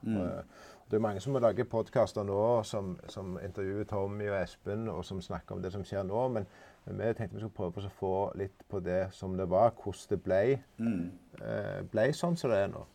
For Det er jo litt interessant det å se, se ferden og utviklingen. For det er en ung idrett, men det er veldig lite som er skrevet ned. for å si det sånn. Ja, jeg tror ikke engang det er noe som står skrevet ned noen plass, tror jeg. Sant? Det har vel egentlig Altså, det, det står vel ikke noe sånt. Det, det tror jeg ikke. Jeg tror ikke folk egentlig vet om det heller helt, egentlig, liksom. Så, så jeg tror Og så er det sikkert like mange versjoner også, vet du, som det er folk som har vært involvert i det, vil jeg tippe. Ikke sant? Så, så nå, nå hørte jeg jo et eh, rykte om at du hadde tenkt å lage en sommercamp i, i, i Lysebotn. Er det noe som, er noe Ja. som Hva tenker du om det? Det er litt uvisst? Nei, altså det, det var jo sånn, det er jo en av de ideene som jeg har hatt og har hatt lyst til å gjøre. sånn Helt, helt klubbuavhengig. Og så ha folk der inne. Og, og, og Morten ble med tidlig i, i planlegging på det. Og, og vi har lokale, og vi har, det er en del ting som er på plass. Men nå som, som, covid og korona er sånn som det er nå, mm. så er det klart at de som bl.a. det firmaet som skulle kjøre ribbåt for oss eh, for, for, kostpris, de ligger jo i opplag nå. Eh, flyruter og alt ligger i opplag, så, så vi vet ikke helt ennå. Så vi må nok en eller annen gang ute i mai tenker jeg, gjøre opp status på om vi skal gjøre det i år, eller om vi skal ta og prøve å gjøre det på våren neste år. Men det er absolutt noe vi har lyst til å gjøre, og vi tror at det er et potensial i det til at vi kan, at vi kan få folk fra, hele Norge og ut fra verden òg. For det er folk vi har trent med som, som, har, som har, sett på Norge og fjordene og har lyst til å oppleve det. Mm. Og da det å kunne invitere til en samling, ikke nødvendigvis, en, eh, ikke nødvendigvis en, eh, et seminar. for Verken Morten er jo Lillabelt, og det var jo Lillabelt som holdt seminarer før. men men vi er jo ikke der nå lenger. Eh, men at vi kan i hvert fall samles, og at vi kan rulle og dele gode historier rundt grillen på kvelden. Eh, og ha, ha tre-fire gode dager sammen og så lage et godt miljø. Det tror jeg vi kan få til. Ja. Og så håper vi får det til i år.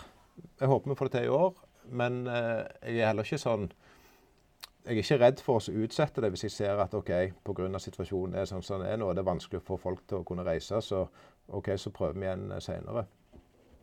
Ja. Det, er ikke, det, ligger ikke for mye, det er, det, er, ikke brukt for mye penger i denne til at vi på en måte brenner oss for mye om det ikke blir i år. Ja. Uh, og Da får vi heller bare gjøre det enda bedre neste år. Mm. Det hadde vært dritkult om du hadde hatt anledning til å, det heve deg på det òg. Og vært med på det. Bare klart jeg er med.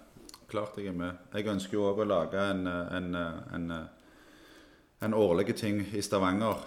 Eh, for alle. Jeg så jo den campen de hadde oppe i Haugesund før EM. Eh, men det var jo bare mer sånn topplevel. Det var vel nesten bare svartbelter. Så hadde mm. den treningsleiren. Da så du jo òg responsen hvor de kommer fra i verden for å trene med gutter på herjer der. Så jeg, jeg, mm. kunne jo tenkt meg eh, noe tilsvarende. Bare en sommerleir, f.eks. Eller så, ikke gjerne det med Fjorden, men, men, å ha bare hvitbelter, all slags nivå. Bare ha en rulling-samling. Og det gjelder jo da å prøve å knytte alle knubbene i Norge. Eller ho hovedsakelig Norge, da, men alle velkomne. Så, så det håper jeg vi kan gjøre litt mer av. liksom. Som, uh, ikke kalle det at det er de som ja. Ja. og så tror jeg at det er, jo, er jo en del av oss som, som, som, gjerne ikke er så aktive på å konkurrere, men som, som liker det miljøet og, og, liker å kunne samles. Og det å kunne samles en plass der det er fokus på, på det sosiale, sammen med at det er gode muligheter for oss å få trent og rullet, ikke nødvendigvis at det skal spisse seg opp mot en konkurranse der folk eh, blir skuffa for de fikk ikke nok utbytte av treningen, men at folk reiser hjem igjen og tenker at erfaring òg, der var en kul helg, dette var en kul tur. Det er det som er på en måte drømmen det, eller målet. Det er jo liksom det at å, å, å la folk få vite at uh, det er jo veldig få som konkurrerer, som tenker på en klubb egentlig på gjerne 250 medlemmer som trener jiu-jitsu. Hvem, hvem, som konkurrerer, det er jo veldig få. Så jeg, jeg, tenker jo at fokuset mitt ville vært de som ikke trenger, som du sier, å konkurrere sosialt, ha det gøy. Så det håper jeg vi kan få litt mm. mer til. Og, og, og, og, sånn. For det har det ikke vært mye av egentlig i Norge i det hele tatt. Så.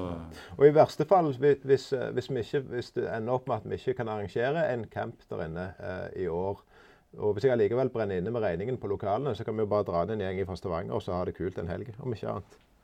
Ja, herregud. det det, det, hadde vi fått til. og det hadde vært skambra. liksom. Om vi ikke akkurat ruller, så er det jo det sosiale igjen. liksom. Vi har jo den felles interessen uansett. ikke sant? Så, så rullinga er jo bare et bonus.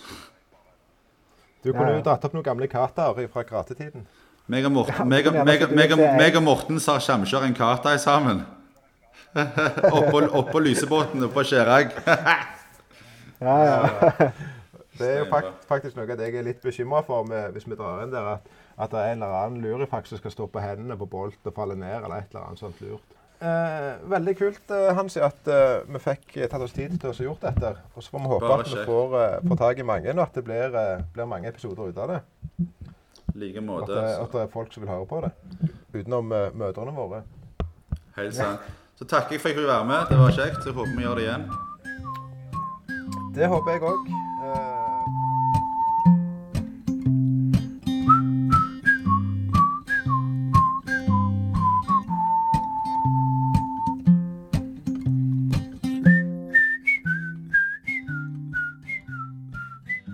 episode to i denne podkasten, det blir jo en som Hans Petter allerede snakket om nå, som heter Marcello Yogi.